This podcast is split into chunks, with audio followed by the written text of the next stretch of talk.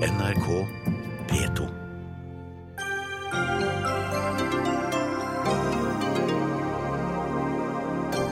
Kampen mot klimaendringene hindrer ikke økonomisk vekst, viser ny rapport som ble lagt fram i dag. Men hvordan skal vi få det til, spør vi Jens Stoltenberg, Erna Solberg, Tine Sundtoft og miljøbevegelsen. Vi trenger ny tekst til nasjonalsangen, mener tekstforfatter, som synes 'Ja, vi elsker' er kvinnefiendtlig. Kiev godtar mer selvstyre i Øst-Ukraina, men er det veien til fred? Og norsk prest ber til Allah under årets høstutstilling. Usmakelig er reaksjonen fra Dagen-redaktør Vebjørn Selbekk.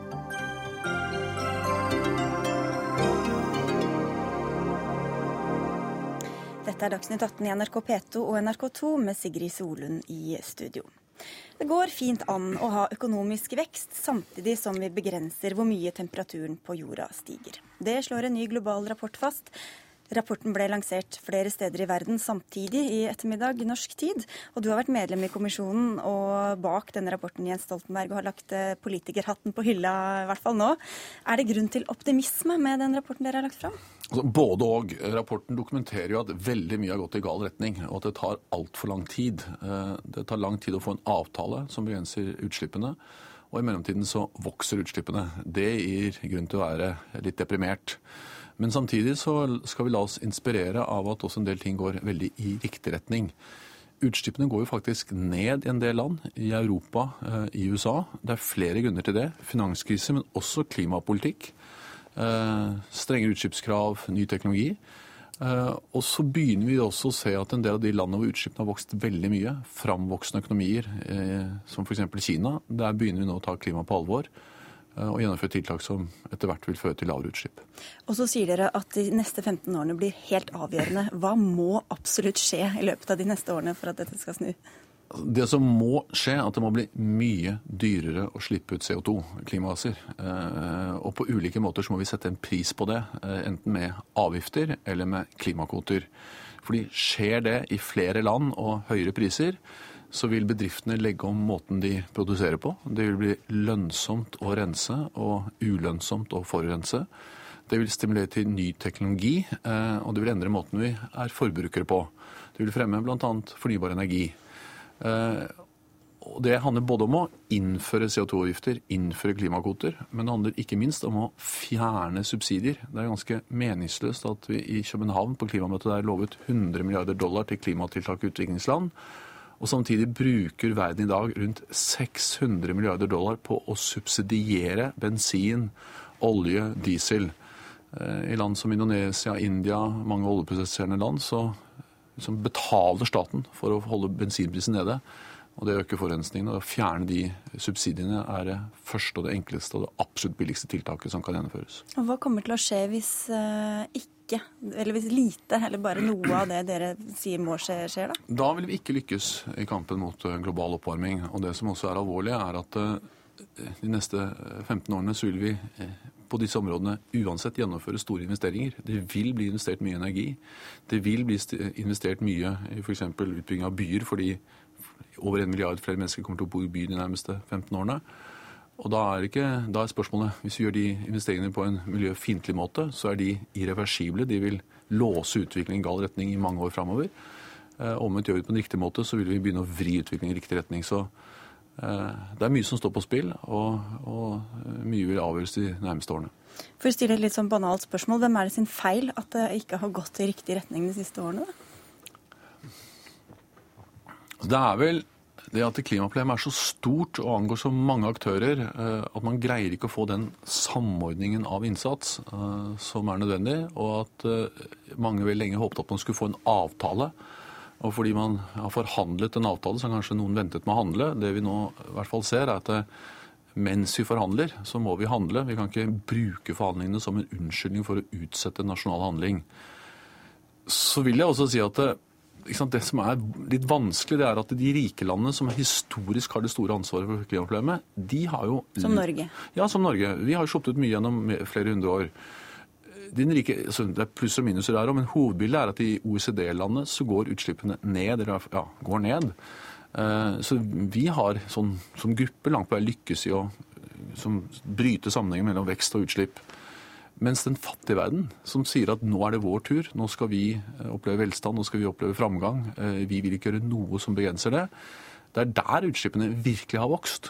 Den rike verden må både kutte egne utslipp, men de må også bidra til å finansiere utslippskutt i fattige land. Og den viljen har ikke vært stor nok. Eh, og, og, og det er en viktig årsak til at utslippene har vokst. Men du, du, vil ha en pris på karbon, det har vært snakket om i mange år. Mm. En, en, ny internasjonal eh, klimaavtale som noen håper på neste år, men som mange er pessimistiske til. Hva skjer hvis disse tingene ikke kommer på plass? Hva må skje da?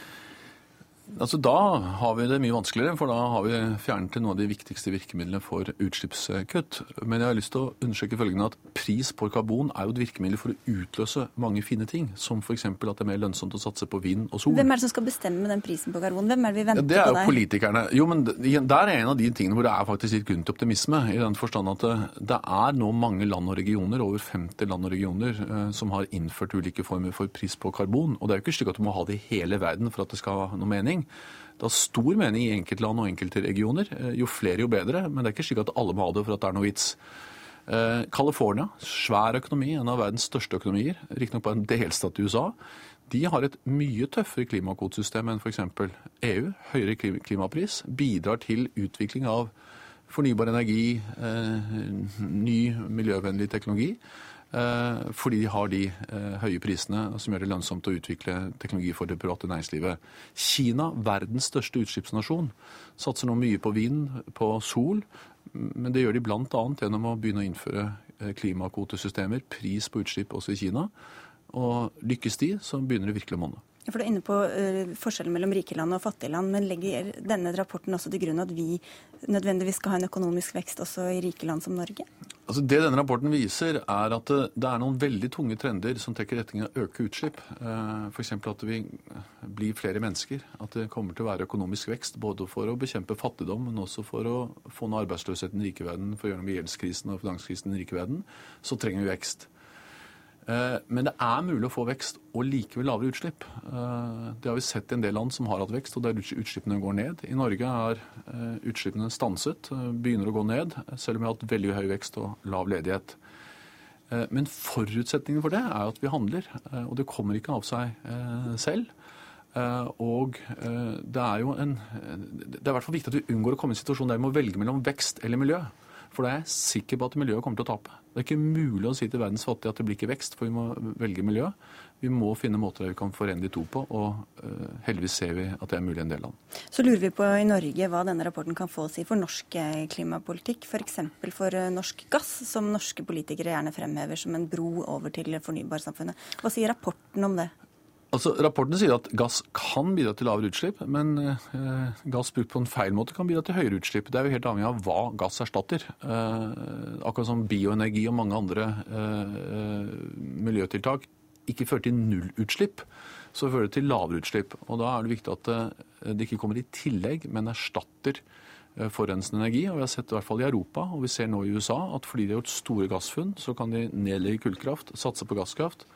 Eh, og få lavere utslipp på den måten der. Så gass kan, brukt på den rette måten, bidra til lavere utslipp. Brukt feil kan det bidra til høyere utslipp. Du vil ikke diskutere med hjemlige politikere, vi skal snart få inn statsministeren og mm. klima- og miljøministeren, men har du noen budskap til norske politikere som skal ta avgjørelser de neste årene? Det er til å lese rapporten grundig. Der er det mye fornuftig. Og det er også en rapport som er veldig tungt faglig forankret i eh, OECD, i IA, Verdensbanken, Det internasjonale pengefondet. Og at vi har hatt med de tunge miljøene til å regne, ledelsen har vært med i kommisjonen, det gir den også i seg selv større tyngde.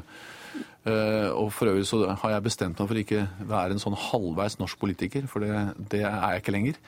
Eh, det er litt vanskelig, for å være helt ærlig, men det er helt riktig. Fordi jeg skal nå gjøre ferdig min jobb som FNs klimautsending, og så skal jeg gå løs på Nato-jobben. Og da for at jeg ikke skal gå inn i innenrikspolitisk norsk debatt. For nå er det antagelig siste gangen vi har det her i dette studioet før du forsvinner til det store utlandet. Du må huske å ta telefonen når vi ringer fra Dagsnytt 18. Det lover jeg. Kommer gjerne i Dagsnytt 18. Takk skal du ha, Jens Stoltenberg, for at du var med i dag også. Da skal vi få inn eh, de som eh, faktisk eh, kan bestemme de neste årene her i Norge. Vi kan altså klare å legge om til et lavutslippssamfunn, og det kan være økonomisk lønnsomt. Det er vel gode ord for deg, statsminister Erna Solberg? Ja, det er veldig gode ord. Og det som er viktigst kanskje med denne rapporten, er at de sier at denne forestillingen om at økonomisk vekst og klimavennlighet den, ikke, den, kan vi liksom ikke få til å fungere sammen. De sier tvert imot at eh, en fremtidig økonomisk vekst er helt avhengig av at den samtidig løser klimautfordringene. Og klimautfordringenes løsning er avhengig av at du faktisk får til den økonomiske veksten. Og da tror jeg vi er inne på et veldig vesentlig spor i hvordan man må diskutere fremover. Det vi gjør, må hele tiden jobbe, jobbe frem hvordan vi får til de nye teknologiene, de nye måtene å jobbe på, eh, de nye energibærerne for den saks skyld. Men det er viktig å holde dette hovedfokuset på at det ikke er en konflikt mellom økonomisk vekst og klima. Ga den rapporten deg da noen aha-opplevelser med tanke på hva slags virkemidler dere kan bruke fra regjeringas side? Eh, den er i og for seg en bred ramme av det. og den, den, holder jo fast på at det å få opp karbonprisen er viktig. Det er jeg helt enig i at det å få et karbonprissystem som fungerer eh, med høyere nivå, men jeg mener at det ikke kan være det eneste vi gjør. Eh, fordi det, det, kan ta litt lang tid før karbonprisen er på et nivå at de utløser de nye teknologiene. Derfor må vi supplere med andre typer virkemidler, bl.a. forskning, utvikling, eh, eh, bidra fra det offentlige investeringer i miljøteknologi, sette standarder som gjør at vi løfter de beste løsningene frem. Så, så det er et rom for at særlig for et land som Norge, som et høykostland, at hvis vi skal på en måte gå i front som vi har ambisjoner om, og at våre bedrifter skal være mest mulig miljøvennlig, så er vi nødt til å bruke et større sett av virkemidler enn bare pris. Dere la også penger på bordet i dag, eh, mer penger på bordet til det grønne klimafondet nå i forkant av også et toppmøte mm. som dere er på vei til eh, i eh, New York. Hva skal disse pengene gå til? De går jo til å være med på å finansiere utviklingslands eh, klimainvesteringer og, ut, og, omstillinger. Og det er klart, det er de landene som først og fremst f.eks. har subsidier knyttet til eh, brenning av fossil brennstoff, det er utviklingsland. Det skaper ganske altså, det er ikke så vanskelig å få gjort noe med det, bortsett fra at det krever veldig mye politisk mot. Og kanskje man da må, fordi det krever en del sosial endring i de landene. Da betyr det at det også er behov for å se at eh, de kan få investeringer på andre områder. Og så må vi sørge for at de landene som nå er i startgruppen på sin økonomiske vekst, klarer å hoppe forbi de gamle forurensende teknologiene, kan ta i bruk eh, nye teknologier, nye energiformer, som ikke er eh, klimautfordrende. Klima- og miljøminister Tine Sundtoft, hva mener du denne rapporten bør få å si for Norges eh, politikk på klima, miljø, energi, alt mulig? Jeg tenker Det viktigste med den rapporten nå er at den kom på et veldig bra tidspunkt. Vi står oppe i krevende internasjonale klimaforhandlinger. Det å da få en global rapport som er så tydelig på at det går an å forene økonomisk vekst samtidig som vi reduserer klimagassutslippene. Jeg tror en del av utfordringen også for den nasjonale klimadebatten er at det har vært litt vanskelig å konkretisere hva det dreier seg om. Jeg tror denne rapporten er ganske bra til å forklare at vi må tenke mer på hvordan vi bor, hvordan vi lever, hva vi skal leve av fremover. Det er det som er bra med denne rapporten, at det gir oss en ganske eh, klar støtte til den omstillingen regjeringen har snakka om i snart et år. Vi ser at byene er en del av løsningen på klimaproblemet, ikke en del av eh, problemet. Så vi må gjøre mer ved å planlegge for at vi skal redusere behovet for transport. Vi må få mer fornybar energi, og vi må spille på lag med næringslivet, slik at de utvikler den teknologien vi trenger fremover. Det syns jeg denne rapporten var veldig bra på. Vi skal få inn to utålmodige miljøvernere her også. Fredrik Hauge fra Bellona og Kari Elisabeth Kaski fra Zero. Hva er det viktigste dere vil trekke frem fra denne rapporten? Nei, den uh, Rapporten er veldig god i den forstand at den uh, viser at vi har et valg. Vi har et valg mellom å, å gjennomføre de investeringene som, som, vi står overfor uansett i verden i dag pga. befolkningsvekst og økt urbanisering. Så vi kan velge å fortsette på den den veien vi er på i dag, der vi investerer for mye i fossil infrastruktur. Mm. Eller vi kan velge eh, den grønne infrastrukturen, den infrastrukturen som tar oss til nullutslippssamfunnet.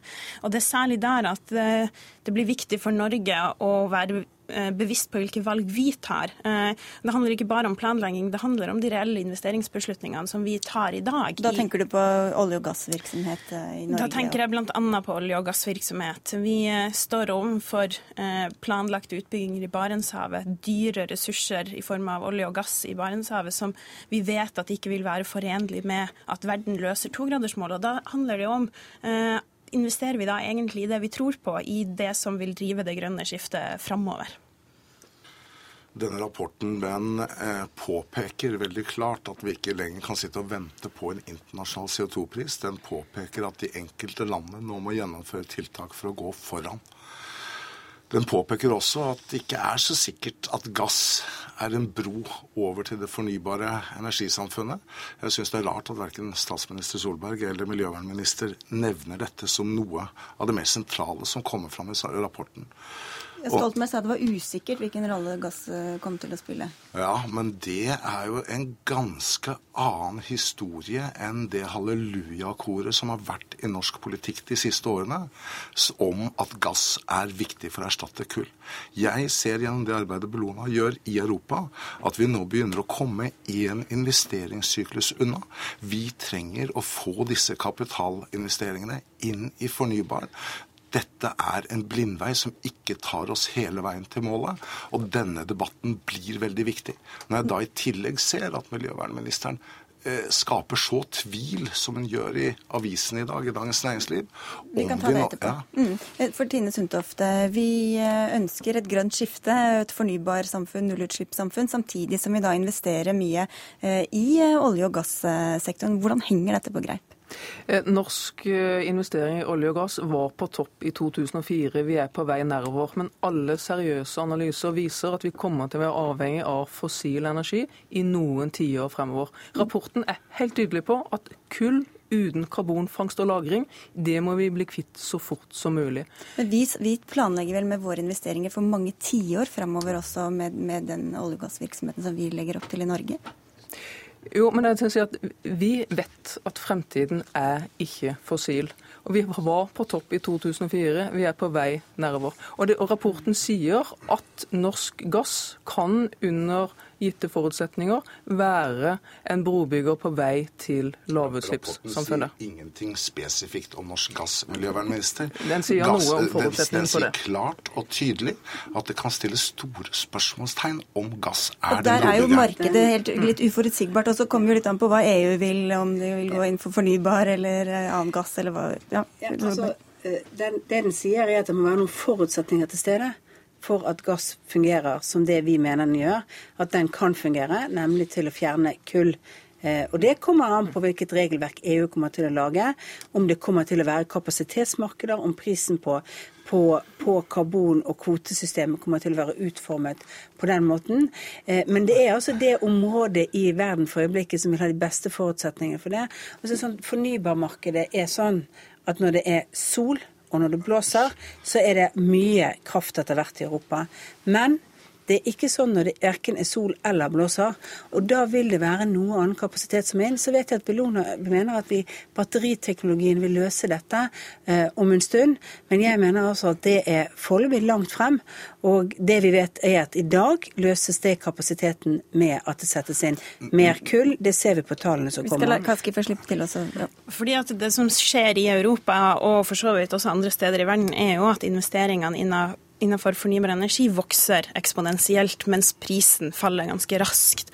Det det betyr, er at vi kan gjerne ønske at gass skal komme til Europa og erstatte kull, og vi kan ønske at det skal spille en viktig rolle i å bygge opp under den fornybarsatsinga, men vi ser også at den gassen sliter med lønnsomheten. Og da vil jeg trekke fram det andre viktige poenget, det er at den norske stat er på vegne av oss en ganske betydelig investor innenfor fossil energi. Eh, både gjennom aktiviteten på sokkelen, statlig eierskap, oljefondet sine investeringer.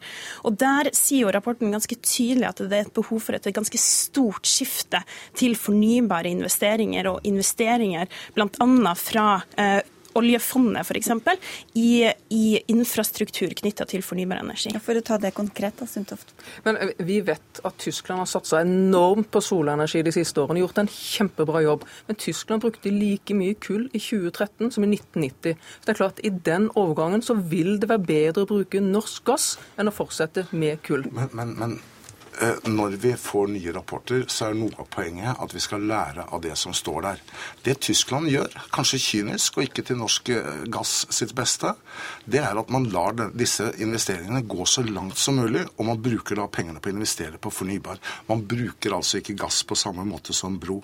Jeg ønsker jo at vi skal få fylt opp den infrastrukturen som eksisterer for gass, med gass og eksportert til Europa best mulig.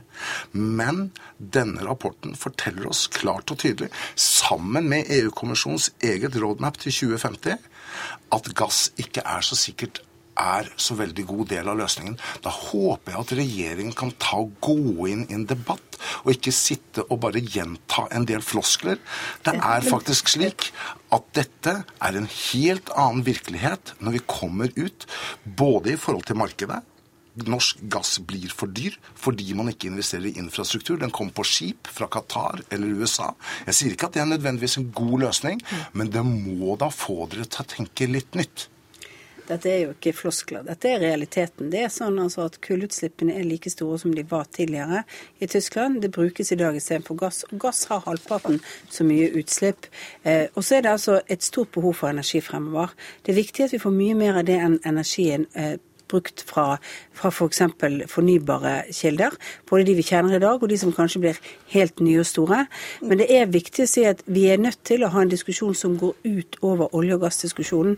Jeg tror en av de største utfordringene vi har i dag i Norge med klimadebatten, er at det er denne debatten vi skal ha hver gang, istedenfor å debattere hvordan får vi frem den nye teknologien som gjør at vi klarer å løse oppgavene våre og, og få ned utslippene i Norge bedre.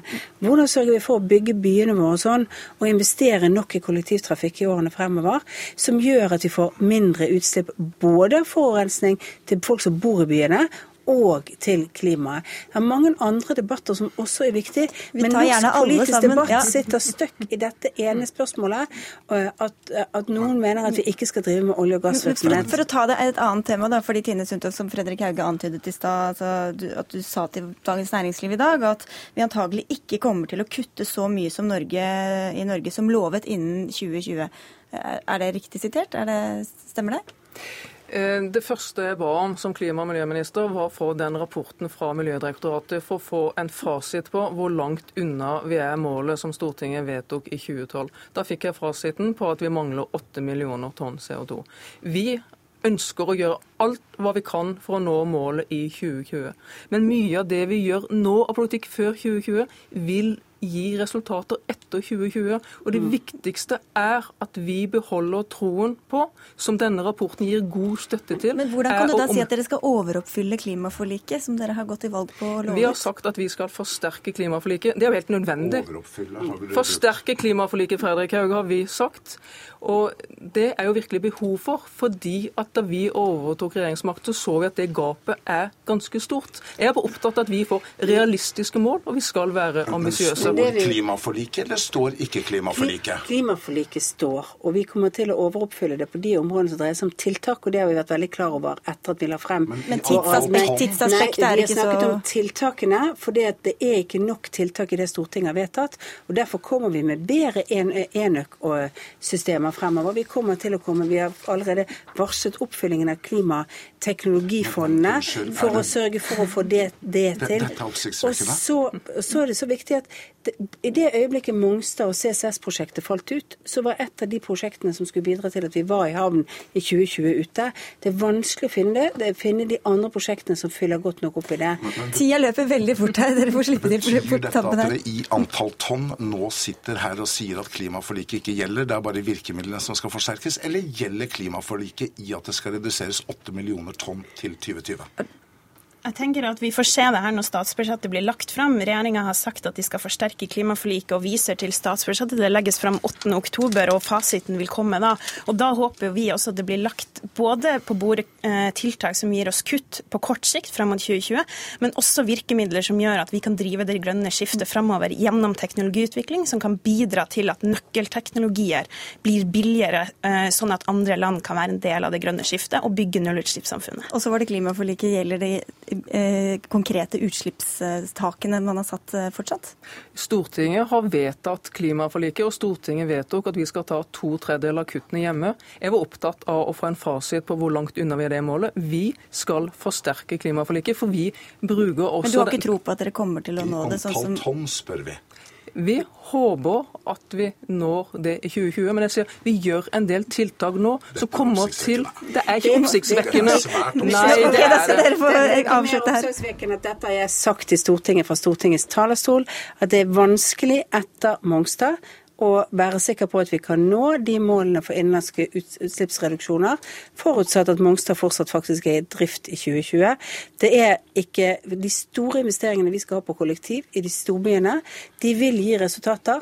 men de er ikke kommet så langt per dags dato at de vil være, til, være tilstrekkelige til f.eks. å ta det kuttet vi skal ha på samferdsel før 2020, men det kommer mye like etter 2020. Og Med denne rapporten har dere kanskje også litt ammunisjon til å få velgerne med på laget, som generelt ikke er så veldig opptatt av klima, Tine Sundtoft, helt til slutt?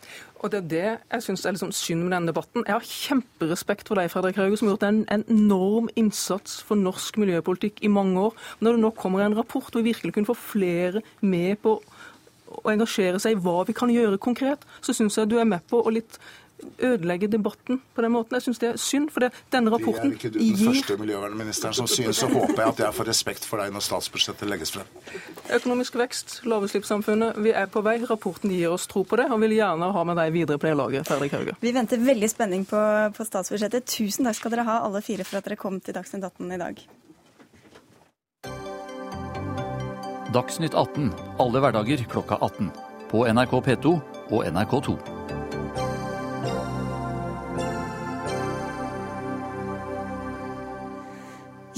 Nasjonalsangen har fått kritikk for å ha for vanskelig melodi, noe noen hver kan ha kjent på hver gang kalenderen skriver 17. mai. Men nå får også teksten kritikk for å være kvinnefiendtlig og utdatert. Og denne kritikken kommer fra deg i Vårt Land i dag, Morten Lorentzen, du er tekstforfatter. Hvordan er Ja, vi elsker kvinnefiendtlig? Ja, altså, Jeg skrev en artikkel i et blad for uh, låtskrivere uh, om uh, denne Ja, vi elsker nasjonalsangen vår. Og så eh, har det slått meg at eh, når det gjelder gamle tekster, f.eks. lovteksten fra 1814, så er den eh, revidert både innholdsmessig språklig og politisk. Gamle salmer blir revidert språklig. Vi har faktisk noen barnesanger som har blitt utdatert fordi at det er krenkende å si neger, så de kan ikke vi bruke mer. Og så har jeg alltid lurt på hvordan kan Ja, vi elsker ha seilt utenom hele denne diskusjonen. Fordi at når du går inn og ser på teksten, så står det mye rart i de versene. Hva da, f.eks.? Som, som det står f.eks. at uh, kvinner opp at strede som om de var menn.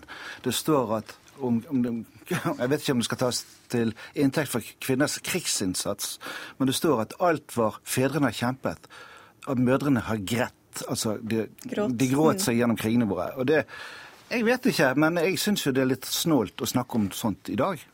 Vigdis Ystad, professor emeritus ved Universitetet i Oslo. Hva sier du til en kvinnefiendtlig tekst? Ja, vi elsker. Mm, jeg er vel ikke helt enig i det. Dette er jo en tekst som ble skrevet i 1859, og det var en annen tid enn vår. Men til tiden å være så var dette et veldig moderne dikt som erstattet, altså en tekst som erstattet gamle, mer bombastiske fedrelandssanger. Og For å ta det eksempelet som ble trukket frem, altså alt hva fedrene har kjempet, mødrene har grett. Eh, så eh, er jo det ett innslag eh, i teksten. Det står også i teksten at andre kunne bare grede, men det kom igjen. Altså begge deler har gitt resultater. Det kom igjen betyr at det ga resultater. Og det Bjørnson gjør i den teksten, er jo å gi et tverrsnitt av befolkningen. Noen står oppe og strir, noen gråter. Det er mange måter å reagere på. Men han skildrer gjennom det et stort fellesskap hvor alle er med. Det var helt tilfeldig at det var kvinnene som gråt og mennene som kjempet? Nei, det var det selvfølgelig ikke. Men eh, jeg tror kanskje det kunne ha vært sagt noe om det i dag også. Eh, folk er forskjellige. Eh, og det han gjør i den teksten, er å ta hele nasjonen inn. Kvinner og menn. Bønder, arbeidere, konger og herskere. Alle sammen har vært med på å lage Norges historie sånn som den har vokst frem fra sagatiden og til i dag. Alt dette til tross, så savner du også mange ting i en nasjonalsang, Lorentzen. Ja, altså 1864 kommer 'Ja, vi elsker'. Og så kan vi begynne å lure på hvor mye verden har endret seg i dette landet siden 1864. Og det snakkes mye om Gud i, i denne sangen. Hvem sin gud er det, mon tro? Er det, er det en, en statsbærende gud? Er det, hvem er det? Eh, men jeg tror jo ikke på noen ny 'Ja, vi elsker' eller ny nasjonalsang sånn. Eh, fordi at det er ikke mulig å lære dette folket her noen nye sanger, altså. Og hjertene svulmer jo fortsatt. eh, Ja da, og det, det, kommer til å bli en, en, en slags eh, nasjonalromantisk mantra som vi synger og blir veldig berørt av sammen med melodien, selv om vi færre og færre skjønner hva det handler om. Eh, og, og, og sånn tror jeg det kommer til å fortsette. Men det som er også et moment her, det er at eh, vi synger i dag veldig mye det første verset, og så synger vi det nest siste og det siste verset eh, ved noen anledninger. Og så resten er bare borte. Det, det bare liksom ha det. Og det hadde vel vært realt da å hatt en diskusjon om at kanskje den biten av sangen som veldig mye ting fra det store nordiske krig og norsk staut og heltemot rundt omkring, virker litt Du skal nesten ha en bachelor i historie for å henge med her. Eh, Til, til og med første verset er jo egnet til å liksom få noe, en, mange til å klø seg litt i hodet og lure på hva det egentlig Ja, er altså de det, synger. hel- Diktet som helhet er jo veldig synd at folk kutter ut de fem midterste strofene. For hvis man leser dette i sammenheng, hvis man ser dette i sammenheng, så er det jo historien om hvordan Norge og norsk nasjon og, og, og kultur har endret seg fra krigersk selvhevdelse og sjåvinisme og til en ydmykhet og en fredsvilje som er helt markant i de siste strofene. Eh, Dette har jo eh, selvfølgelig eh, sammenheng med at i våre dager så har man liksom ikke tid til å lese eller ta med alt. Og vi har mange eksempler på at man forkorter sanger og endrer salmetekster f.eks. Og det er som regel til ulykke. Fordi de språklige endringene skjer uten full sans for hva de opprinnelige ordene betyr. Men hvor mange tror du Jeg bare kom på nå datteren min som sang 'Urettferdig over landet', det er, eller vann, eller hva det var. Hvor mange tror du egentlig skjønner hva det er de synger i 'Ja, vi elsker'? Ja, jeg vet ikke hvor god leseferdighet eh, det norske folk har, men, men hvis det er en stor del av oss som ikke skjønner teksten, så er det delvis skolens skyld. Eh, For teksten er ikke så all verdens vanskelig. Den kan lett forklares.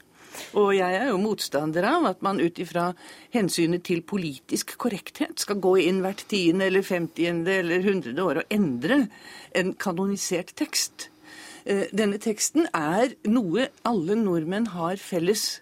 Og den har stått sin prøve, som den gjorde i unionsstridighetene i slutten av 1800-tallet, eh, som den gjorde under siste krig, som den gjorde etter terrorangrepet 22.07. Og det som da skjedde, er veldig interessant. For da hadde arrangørene av Rosetoget plukket ut andre sanger til å synges. Men det folket gjorde, det var spontant å bryte ut i sin egen nasjonalsang, som forteller om vår fellesskapsfølelse og vår tillit til hverandre og vår følelse for vårt land. Og tradisjonen da, og hvor, hvorfor skal man da skrive nye sanger eh, som for hver gang eh, det politiske landskapet Det er jo endrer flott. Jeg vet, jeg ligger ikke våken mye og tenker på dette om natta. Altså, Nå men sitter du her og må forsvare det. Jo, men jeg kan si at eh, vi hadde to eh, fedrelandssanger før 'Ja, vi elsker', som var skrevet i 1771 og i 1820. Så ble de revidert. for det, de ble antagelig oppfattet som utdatert. Nei, de ble ikke revidert. Ja, men altså, De ble, de ble måte tatt vekk, for de ble utdatert, og det kommer en ny i 1864. Så har vi levd med vår sang siden 1864. Det vi kan lure på, det er altså alt som du mener står i den sangen om fortid. Og så kan jeg si, men tenk på alt som ikke står i den sangen om det som har skjedd. Det har skjedd litt grann i dette landet. Skal skrive noen nye vers inn i 'Ja, Det kunne vært noe fint. Så kan godt si noe om miljøvern. Det kan godt være noe å si om eh, åpenhet, ta imot folk fra resten av verden. Det kan være masse fint som kunne stått litt om i den sangen. Spør du meg? Ja, Hva syns du om et par ekstra vers? Sånn? Jeg tror ikke noen kan overgå Bjørnson som lyriker akkurat i den sjangeren der. Og, og begynne å klusse med en tekst, det har ikke jeg noe veldig sans for. Eh, Jeg er som sagt ikke så veldig glad i politisk korrekthet. Og jeg syns vi tåler veldig godt å ha denne sangen i tiårene fremover også. Melder du deg frivillig til å slenge på noen vers? eller noe Nei, det er ikke jobben min, tror jeg. Men jeg er ganske sikker på at hun får rett. At det blir 'Ja, vi elsker' som vi kommer til å synge der eh, fortsatt. Fordi at hele den norske sangtradisjonen, må du huske på, det at vi, vi, vi synger, barna synger, det er nesten borte. Det er Mats Berg, det er ikke noe sånn Lars Sørås, det er borte. Og derfor så er det komplisert å lære et folk en ny låt. Det er ikke så enkelt. Og du kan bare se på det. Hvert år skrives det nye julesanger. De blir ikke gamle, altså. Dette er riktig. Ja. Vi har dessverre sluttet å synge. Vi får slutte med den enigheten, da. Takk skal dere ha for at dere kom til Dagsnytt 18, Morten Lorentzen og Vigdis Ystad.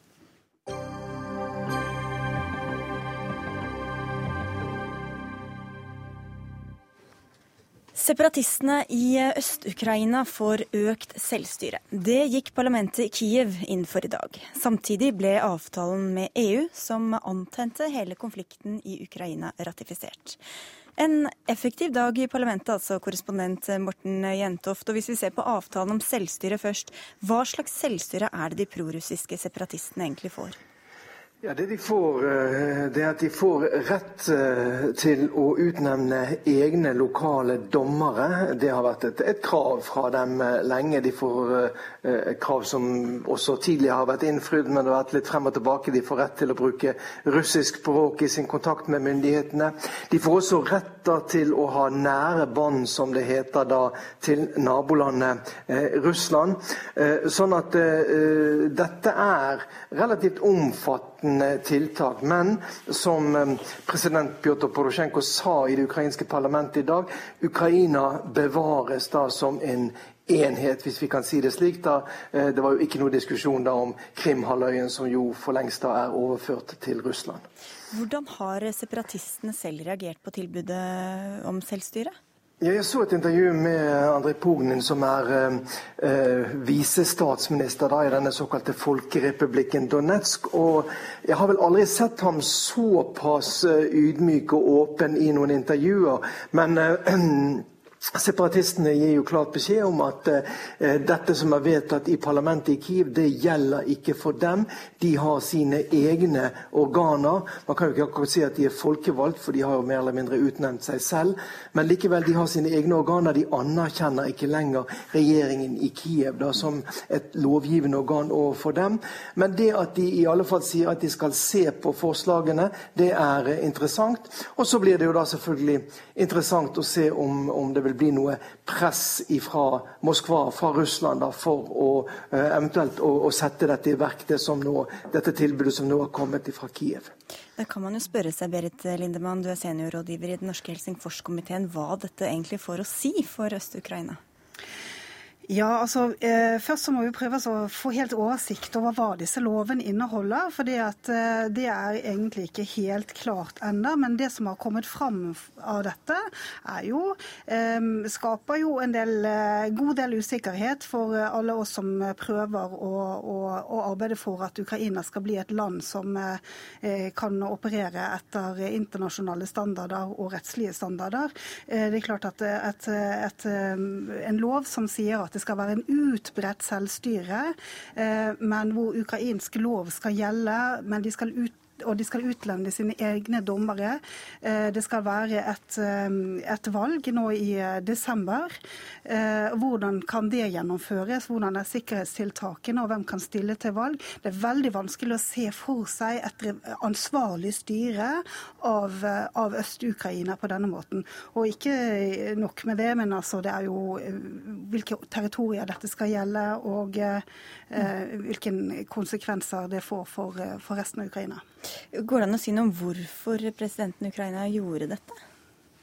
Ja, eh, Porosjenko er under et enormt press nå. Eh, fordi at eh, han kjemper en krig som han åpenbart ikke kan vinne. Hver gang han har vunnet fram på, på fronten, så har jo Russland satt inn flere styrker. Samtidig som, som Nato har gjort det helt klart at de ikke kommer til å stille opp militært. Så en framforhandlet løsning, en form for fredsavtale som kan forvalte over litt sikt eh, har han vært nødt til å, å komme fram til. Men, men, eh, reaksjonene på denne avtalen nå i Ukraina er jo ganske sterke.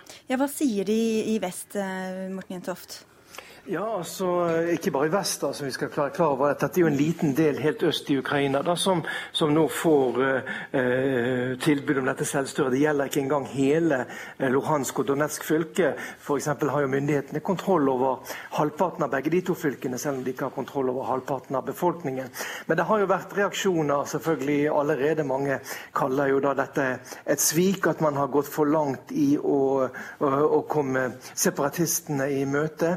Og vi har også sett eh, demonstrasjoner, til dels voldelige, også utenfor eh, parlamentet i Kiev i, i, i dag. Sånn at eh, det er jo protester, men jeg tror nok at det store flertallet av ukrainere innser at nå er det fred som gjelder. Nå er man nødt til å få slutt på krigen i den pressede situasjonen som, som Ukraina er i. Og president Porosjenko han hadde vel egentlig ikke noe annet valg nå, når det gikk såpass dårlig på slagmarken som det gjorde nå i månedsskiftet august-september september.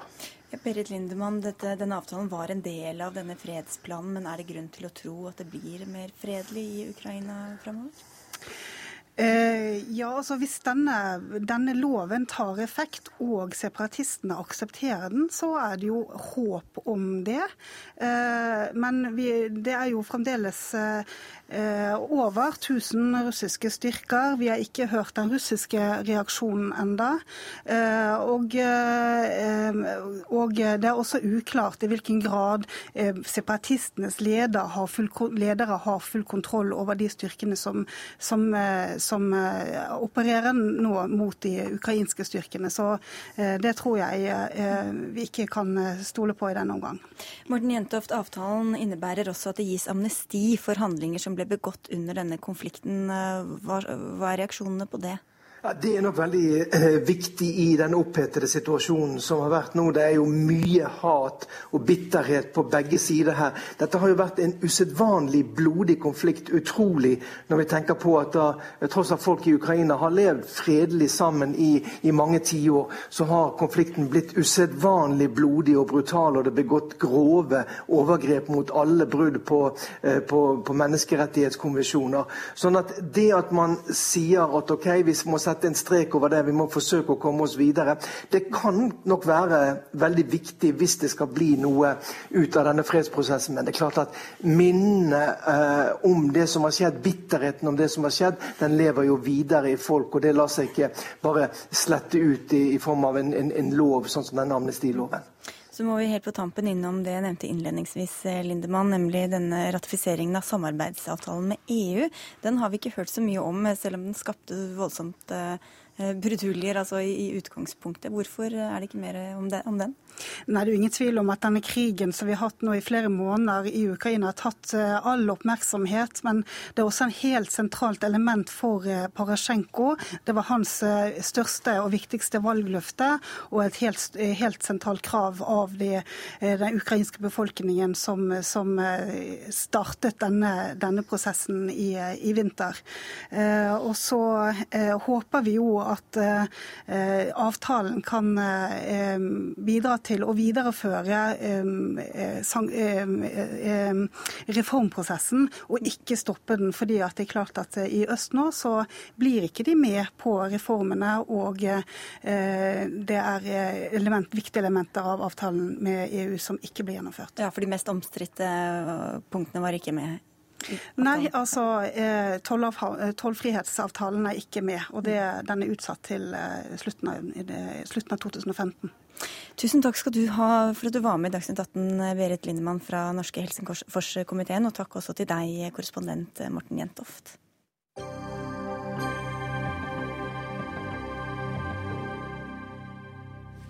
En eh, norsk prest ber til Allah i en performance på høstutstillingen på Kunstnernes hus i Oslo.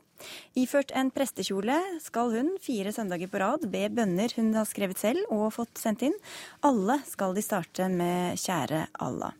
Og denne presten, det er deg, Giri Gunnes. Eh, du er altså både prest i Den norske kirke, og du er performancekunstner, som vi skjønner. Og hva vil du med denne performancen? Jeg tenker at Veldig ofte så handler diskusjonen knytta til det flerreligiøse og det flerkulturelle samfunnet om minoritetens posisjoner og holdninger og endringsvilje. Eh, og at de skal ta avstand fra det ene og det andre. Men jeg hadde lyst til å gjøre noe som tematiserer eh, majoritetens posisjoner, og hvordan majoriteten skal forholde seg til det at vi nå har et flerreligiøst samfunn. Jeg hadde lyst til å spørre meg selv hva gjør det med mine holdninger og min praksis som, som representant for, for majoritetsreligionen? Og Derfor så har jeg laget dette kunstverket som denne performancen er. Og Det er et forsøk fra en majoritetsposisjon på kunstnerisk bearbeide eh, og reflektere over sin egen, sin egen posisjon. Hvordan gjør du det ved å be til Allah? Det gjør jeg. Altså, jeg bruker da prestekjolen eh, og stolene og, og, bønn, som er på en måte veldig tydelige og liksom rotnorske, gamle, tunge symboler.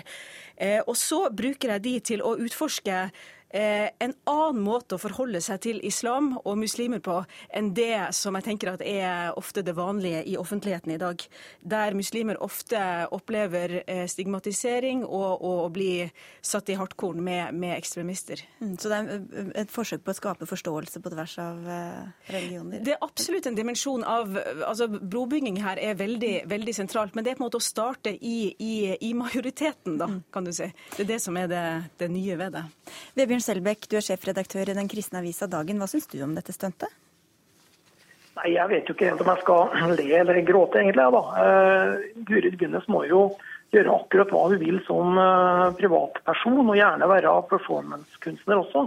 Men uh, det som skjer her, er jo at hun drar på seg en tøstekjole når hun hun ber denne bønnen til, til Allah. Og når du er ikledd eh, en prestedrakt, så kan du ikke løpe rundt og, og gjøre akkurat uh, hva man vil. Uh, Guri Gunnes har uh, avgitt et presteløfte hun også, om å tjene den uh, treenige Gud som en prest i Den norske kirke skal gjøre. Og jeg syns det er en betenkelig religionsbehandling når man da ber til muslimenes guddom Allah på denne måten som prest. Ja, hvor bruker du, Hvorfor bruker du prestekjolen og disse stolen og alt det andre som hører til? Altså Først og fremst vil jeg si at det er veldig viktig å si at metafysikken i dette prosjektet her er, er, er åpen. Arabiske kristne og maltesiske kristne omtaler, omtaler den, den, kristne guden som, som, Allah. Metafysikken, hva mener du med det? Eh, altså det sier, eh, altså med det som mener at det er ikke gitt at, denne, at Allah er en annen enn den kristne guden. Ehm, eh, og det er mange muslimer i Europa og, i Norge som bruker Gud om sin Gud. Og, og, sånn at eh, For meg så handler det om å ikke på en måte starte i disse her eh, tradisjonelle spørsmålene hva er Gud, hvem er Gud, hvilken Gud er den riktige, men heller å starte i en etisk praksis. Nemlig en, eh, en praksis som rekker ut en hånd på tvers av religionene. Og jeg tror at kunsten bærer i seg en måte, en, en, en metode for å overskride tradisjonelle eh, religionsskiller som vi er så, så, så godt vant med. Um, og til Selbekk vil jeg jo si at det er nettopp et poeng at jeg bruker disse symbolene symbolene, altså prestekjolen og, og stolene, som er symboler for, for majoritetsreligionen, og bruke de på en subversiv og, og, og ikke-konvensjonell måte. Det var det mange vanskelige ord her. Jeg vet ikke hvor mange du skjønte, Selbekk, om du kan svare? Jeg skjønte, jeg skjønte i hvert fall en del av dem. Men, men, det er jo helt klart at det er den muslimske guddommen du, du ber til, uh, Gunnes. For at du sier jo det i den bønnen som du ba på TV også. Så sier du 'Kjære Allah, jeg vet ikke om jeg tror på deg'. Og Hvis det da var den kristne guden eh, som du mente, så er det vel litt merkelig hvis, eh, hvis en prest i norske kirke ikke tror eh, på Gud. Men jeg synes hovedproblemet her det er, jo, det er jo at du som prest driver disse stuntene. Og det er jo ikke første gang du holder på med performancekunst. Gunnes. Du har jo bl.a. et annet kunstprosjekt der du har der du har tatt ditt eget menstruasjonsblod og, og klint på, på Bibelen. Du har laga kort uh, der du har påført uh, dine e, hår fra dine egne armer. Nå diskuterer vi dette verket her. Nei, men, eh, det er det jeg svarer på. Det som, er, det, det, som er poenget, det som er poenget hvis jeg snakker det, det er at det er jo dette som er problemet. Det må du gjerne gjøre som kunstner. Kunnes. Men da kanskje du burde valgt kunstens vei da, og ikke være prest. Ikke dratt Den norske kirke som du representerer, inn i disse tingene her, og den kirka er nødt til å, å stå for det som, det som, du driver med som kunstner? På ingen måte. Jeg, jeg tenker at jeg står trygt plassert i, mitt, eh, i, mitt, eh, i min prestidentitet og i min ordinasjons, eh, mitt ordinasjonsløfte. Jesus men, men Hva tror du det kan gjøre for, med respekten for presterollen når du bruker presterollen jeg tenker at jeg, at jeg øker respekten for presterollen når folk ser at dette er en prest som, som, som, ønsker å bruke preste, altså, prestekjolen og symbolene på en, på, en, på, på en, gjestfri og åpen måte, og på en måte som ikke bare måte er, er, er innkrøket i seg selv og sitt eget språk. Men Er du prest når du er der, eller spiller du prest på en måte? Jeg, jeg er prest når jeg er der. Mm, definitivt. Og, det, eh, og, og, jeg tenker at det er en, videre, er en videreføring av mitt, mm. av mitt yrke eh, som, som, som, eh, som, prest. Og det, det, er en, det, er en, ting som jeg altså Det er en uh, handling som jeg, som, jeg, tenker at er i forlengelsen av den, den også tradisjonelle praksisen som jeg har hatt som, prest i Den norske kirke. Ja. Selbekk? Ja, Det er jo hele problemet. At du er eh, prest når du, når du gjør dette her. Og, og, og når du har avgitt, eh, blitt ordinert i Norsk kirke, så er du, er du, prest 24 timer i døgnet. Og spesielt selvfølgelig når du også ifører deg prestedrakten når du ber til, til alle. Jeg synes at det, det, Dette fører til en ytterligere fremmedgjøring eh, når det gjelder kirkas forhold til det norske folk, mener jeg. Dette er ikke noe som, som trekker flere folk til, til kirka eller bygger ned eh, murene eller dørstokken i kirkebyggene i Norge. Dette er veldig fremmed for, dette, dette, for det store er... flertallet av det, av, den, av det, norske folk. Og det burde du også tenke på når du er prest. Du representerer i kirke, en kirke som allerede har store Eh, problemer eh, med nedadgående gudstjenestetall osv. Og, og, og, og sånne eh, merkverdige stunt som dette her, det fremmedgjør det norske folk enda mer fra Jeg tar sterk avstand fra at du kaller det for et stunt. Dette her er en performance som er kommet inn på Høstutstillingen. Mm. Det, det er overhodet ja, ikke noe stunt. En av gangen må hun bare få svare helt til slutt her. Ja, det var et performance. Ja, eh, eh, jeg tenker at det, det, er veldig viktig å tenke at kristendommens kjerne er eh, ikke hva som gagner Den norske kirke, eller hva som du tror den gagner Den norske kirke, men det er Kristus. Og Kristus var en person som turte å gå over grenser, som turte å nå ut en, og, og, og, strekke ut en hånd til, til, til, de fremmede. Og Det er det evangeliumet jeg forkynner, og det er et evangelium jeg er stolt over, og det tror jeg også folk kan, kan forholde seg til. Vi er nødt til å avslutte. Høres ikke ut som du har tenkt deg på høstutstillingen meningen, Vebjørn Selbekk? Ja, eh, ja, egentlig. For det er, jo, det, er jo, det er jo sikkert show å se på dette. her, Men det er altså ikke show å se på. Det er svært, det er en svært alvorlig eh, eh, praksis. Og det var, det var, en meget andektig og verdig stemning når vi gjennomførte dette på søndag. Du er hjertelig velkommen til å, til å, til å skrive bønner, du også. Vi er nødt til å avslutte. Du får si Ok, Da får vi se om ikke det dukker opp nede på Kunstnernes hus. Takk skal dere ha, Giri Gunnes og Vebjørn Selbekk. Hør Dagsnytt 18 når du vil. Radio NRK.no. Alle utlendinger må slutte i jobbene sine. Det var ordren som gikk ut fra regjeringshold i Sør-Sudan seint i går. 15.10 er satt som frist for utenlandske arbeidstakere som befinner seg i landet, og målet er å frigjøre stillinger for kompetente sør-sudanere. Afrikakorrespondent Kristine Presttun, hvorfor kommer myndighetene med denne ordren nå? Ja, Dette kan jo ses eh, i sammenheng med politikk som føres i andre afrikanske land, hvor eh, det er fokus på lokal arbeidskraft, og hvor f.eks. kinesiske arbeidere som eh, kommer i horder til landet for å bygge jernbane og veier, ses på som en trussel mot arbeidsplasser som den lokale befolkningen eh, burde hatt. Men så skjer jo dette her i et land som er i en dyp krise, eh, som er sterkt avhengig av internasjonal hjelp. og Derfor er det kanskje naturlig å se det i et eh, annet lys, som et svar på internasjonale trusler om sanksjoner. For det er bare en måned siden at FNs sikkerhetsråd truet med å sanksjonere de som ikke følger opp de fredsforhandlingene som nå pågår eh, i landet. Li Tørres, eh, generalsekretær i Norsk Folkehjelp, hva tenkte du da du fikk høre om denne ordren? Nei, Vi hadde jo litt sånn oi-oi-opplevelse. Eh, det er klart det er en svært bekymringsfull melding som, som gikk ut med den regjeringsordren i, i går vil ha omfattende konsekvenser for internasjonale organisasjoner, men, men, helt klart, og det er det viktigste her, omfattende konsekvenser hvis de velger å implementere den, sånn som de, de la den fram i går. Omfattende konsekvenser for sivilbefolkningen. Det, det, er som det ble sagt her, at vi, vi snakker om verdens verste matvarekrise, som FN har betegnet Sør-Sudan som. En hungerskatastrofe som truer rundt hjørnet. Fire millioner mennesker som er avhengig av nødhjelp. Det er megastore problemer de står overfor. Men Kommer dere da til å trekke dere ut, eller vil dere erstatte deres folk med folk fra Sør-Sudan? Nei, Vi skal ha med oss at det, det, må fortsatt klargjøres hva de mente med den ordren som ble sendt ut i går. Mener de alle internasjonale ansatte, eller mente de de stillingskategoriene som, som de nevnte spesielt?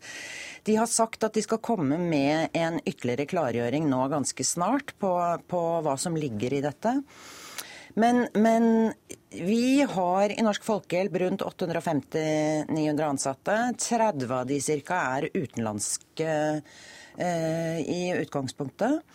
Og, og, det er klart at det er folk som sitter i nøkkelposisjoner, og som vi er helt avhengige av å videreføre driften med. Vi har gjort mye for å bygge opp kapasitet i staben, få inn lokale sørsudanesere i nøkkelposisjoner også, men vi klarer ikke per i dag å, å erstatte alle de utenlandske med lokale. Mm. Det er jo ikke lenge til 15.10, Kristine Prestun. Hvorfor eh, haster det sånn med å få ut alle så raskt? Nei, Det er jo eh, rett og slett vanskelig å vite. og det er klart at Den første magefølelsen er jo skal det skje noe der som eh, sudanske myndigheter ikke vil at, eh, at resten av verden skal få med seg. Det ville jo vært ja, rett og slett helt forferdelig, for denne nasjonen har hatt nok nå det siste året med etnisk vold og ja, en fjerdedel av befolkningen er eh, på flukt, fire millioner er truet eh, av sult. Sånn at det skulle bli enda verre, det, det får vi håpe at det ikke er det som er eh, grunnen. Og så må jeg jo si at det har kommet noen nye signaler i dag. Utenriksministeren sier nå at, at dette gjelder alle utenlandske arbeidere i, i frivillige organisasjoner og private selskaper, men bortsett fra der hvor det mangler kapasitet. Og det kan jo bety at, eh, at de vil gi eh, unntak for eh, f.eks. ledere av hjelpeorganisasjoner, men det gjenstår jo å se. Mm. Så tørres, da kan en del bli, bli værende der? Ja, altså vi, vi, må jo tro det. Der, de. der, de, mangler kapasitet, sier de. Men, men, det må fortsatt klargjøres som sagt, hvilke grupper dette gjelder, og hvor myndighetene ser at det fortsatt er et behov. Vi tror jo at det, det, vil måtte bli en dialog her mellom internasjonale organisasjoner og regjeringen. Hvis ikke så rammes sivilbefolkningen dramatisk hardt. Mange kommer til å dø hvis dette implementeres sånn som det ble lagt frem i går. Mm. Er det den gjengse oppfatningen Kristine Presttun, at kommer til å være effekten av et sånt forbud? Ja, jeg vil også få lov til å si dette med, med, med de private næringsliv. Fordi eh, det er jo det som nevnes eh, kanskje mest i denne uttalelsen fra, fra, regjeringen i går kveld. Hvor det nevnes da sant, det er bankene, det er forsikringsselskaper, det er te teleselskapene, det er oljeselskaper, det er hotellene. Og det er klart at hvis alle de utenlandske som jobber i det private næringsliv skal forsvinne ut av landet, ja da vil Sør-Sudan på mange måter slutte å fungere. Det lille som fungerer eh, i dag. Mm. Så ja, nei, det blir spennende å følge med i de neste dagene hva som egentlig ligger i dette. Jeg har lyst til å legge til også fra, fra, vår side at vi deler jo regjeringens mål om å på en måte nasjonalisere mer av arbeidsmarkedet. Det er forståelig. Det er, ja, det er en helt hårreisende høy arbeidsledighet, og dertil fattigdom. Så, så det må gjøres. Og, og det, sånn sett så altså ta hotellene, hele servicesektoren i Sør-Sudan har vært dominert langt på vei av utlendinger.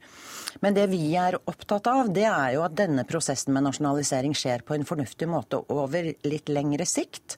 Og at man blir enige om en plan for hvordan den skal, skal implementeres. I løpet av én måned å implementere en sånn plan vil som sagt først og fremst ramme det humanitære arbeidet. Så da blir det spennende å se de nærmeste dagene hva som mm. faktisk mm. ligger i dette. Liv Tørres, tusen takk skal du ha for at du var med i eh, Dagsnytt 18. Og takk også til deg, Kristine Prestund. Dagsnytt 18 eh, er ved veis ende. De som ikke fikk hørt hele sendingen eller vil høre noe om igjen, kan gå inn på radio nrk.no, hvor du kan høre radio direkte, eller spole deg tilbake i tid. Vi er tilbake i morgen klokka 18. Ansvarlig for denne sendinga var Andrea Kvamme Hagen. Teknisk ansvarlig var Lisbeth Sellereite, og i studio satt Sigrid Solund.